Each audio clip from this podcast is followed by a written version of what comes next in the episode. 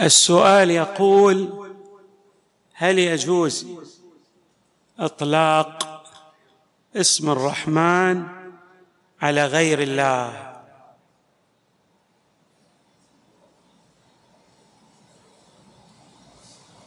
إحنا نشوف مثلا بعض الأسماء تطلق على غير الله. ونصف مثلا بعض الناس نقول هذا رحيم وذاك ودود وذاك لطيف. وهذه أسماء لله تبارك وتعالى.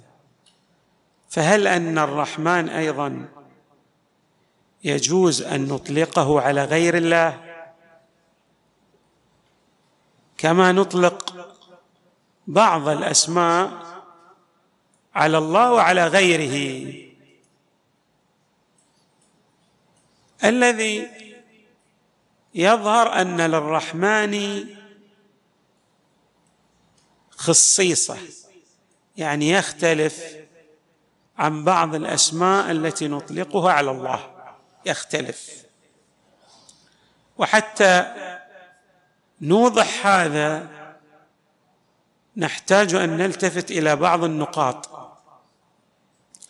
النقطة الأولى أن معنى رحمن في اللغة على وزن فعلان. ويأتي بمعنى الكثير الرحمة. بمعنى أن هذه الرحمة هي بنحو يعني فوق رحمة كل رحيم. رحمة الله تبارك وتعالى هي الرحمة الواسعة. وسعت رحمته كل شيء. فإذا إطلاق الرحمن بمعنى الكثير الرحمة الذي رحمته لا تضاهى ولا تتناهى. ليس هناك رحمة كرحمة الله. ولهذا جاء في بعض الروايات أن الرحمن هو اسم خاص لصفة عامة يعني أن رحمة الله وسعت كل شيء صفة عامة تسع الجميع. أما الرحيم فهو اسم عام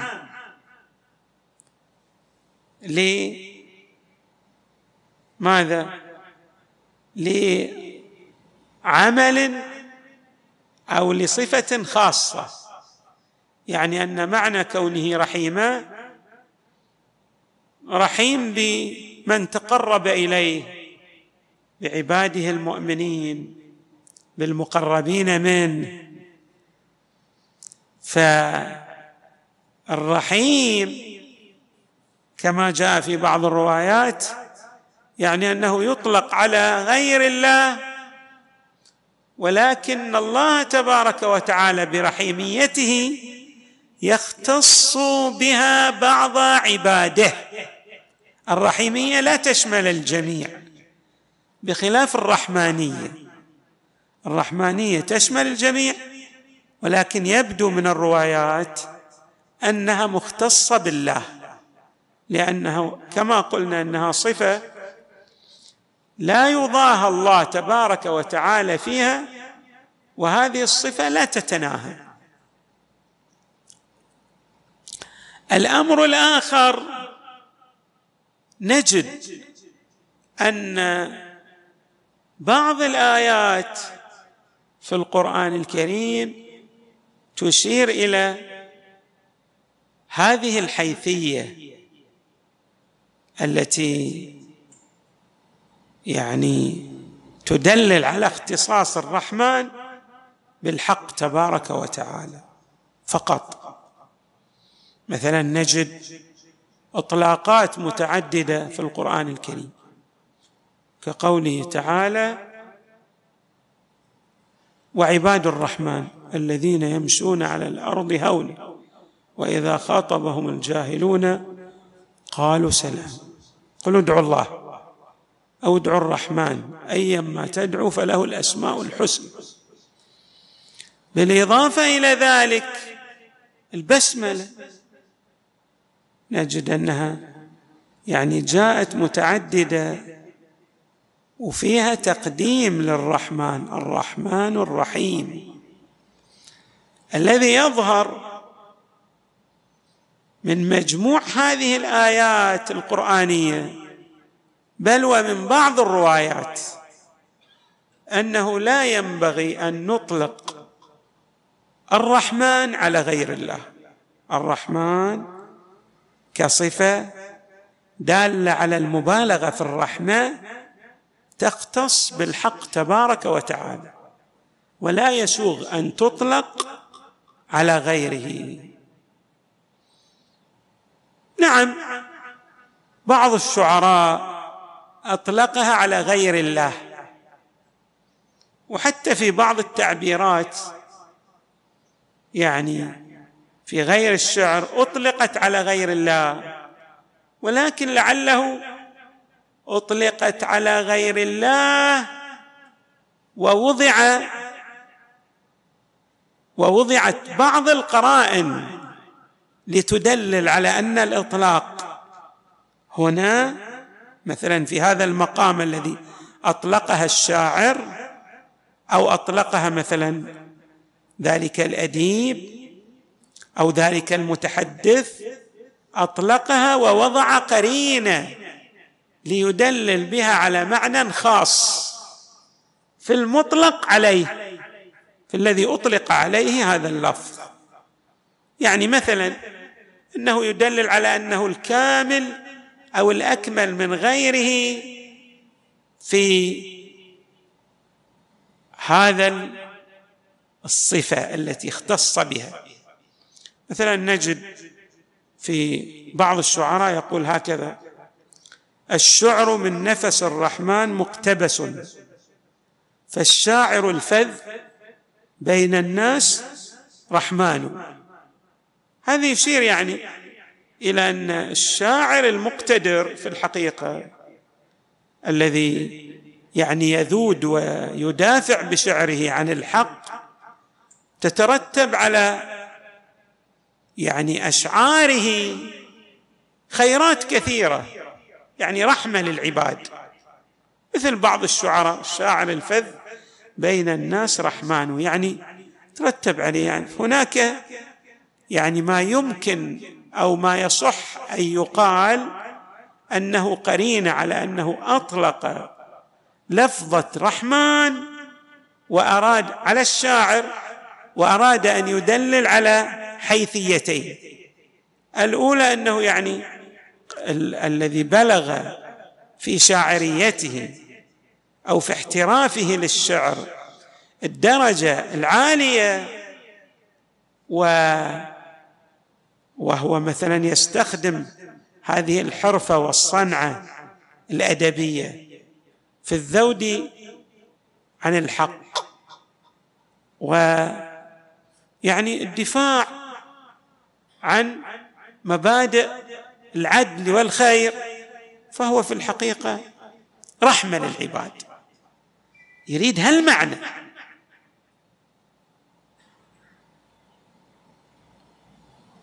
والإطلاقات الأخرى إذا كانت على هذا النسق على هذا المنوال. يعني وضعنا مثلا قرينة. أو جعلنا اللفظ من خلال بعض اللوازم يدلل على أن المراد به يعني معنى من المعاني آه، لا بالمعنى الذي يطلق على الله. لأن قلنا أن الرحمانية بالنسبة لله تمثل الرحمة المطلقة التي لا تضاهى وليس لها حد.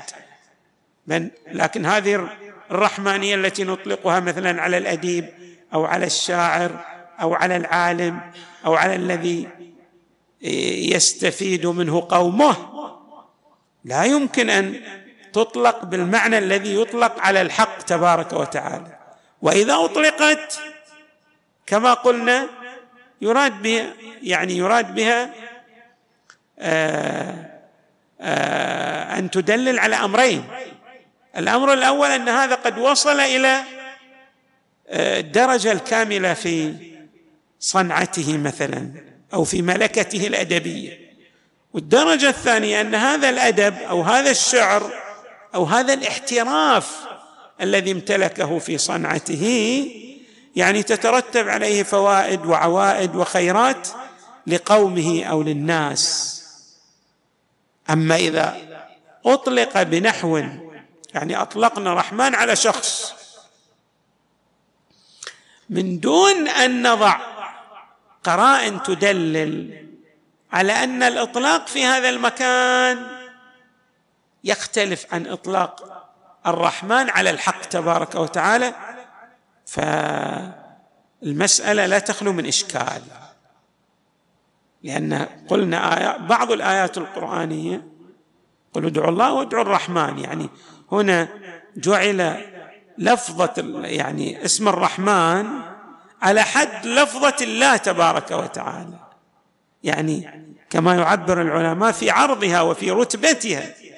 وهذا دليل على أن إطلاق الرحمن يعني يختص بالله تبارك وتعالى. ولعل هناك يعني بعض الروايات التي يستفاد منها ذلك أن الرحمن كما قلنا يختص بالحق تبارك وتعالى ولا يشمل ولا يعم غير الله تعالى. لا يعم غير الله. بل هو مختص بالله تبارك وتعالى. اذا لا ينبغي بادئ ذي بدء من نون وضع قرائن قرائن ملفتة لانتباه السامع على أن الإطلاق في هذا المكان يختلف عن إطلاق الرحمن على الذات المقدسة. إذا في شيء يعني يدلل على اختلاف الإطلاقين فلا بأس يعني مثلا يعني أقصد به مثلا أطلقت عليه رحمن في صنعته مثلا كما قلنا وأنا أقصد به مثلا أنه يعني وصل إلى درجة الاحتراف أو إلى درجة عالية تترتب عليها فوائد لغيره. لا بأس. لكن هذا غير المعنى الذي يطلق على الله. المعنى الذي يطلق على الله أن رحمته وسعت كل شيء تشمل جميع وجملة الموجودات وهذا لا يمكن أن يطلق إلا على الحق تبارك وتعالى دون ما سواه. ولعلكم تذكرون أن نحن طرحنا ابحاثا متعددة في أسماء الله تبارك وتعالى لها ارتباط دقيق يعني فهمها يرتبط بمسألة إطلاق الرحمن على الحق تبارك وتعالى. نسأل الله تعالى أن يجعلنا من عباد الرحمن الذين يمشون على الأرض هونا وإذا خاطبهم الجاهلون قالوا سلاما والحمد لله رب العالمين وصلى الله وسلم وزاد وبارك على سيدنا ونبينا محمد وآله أجمعين الطيبين الطاهرين.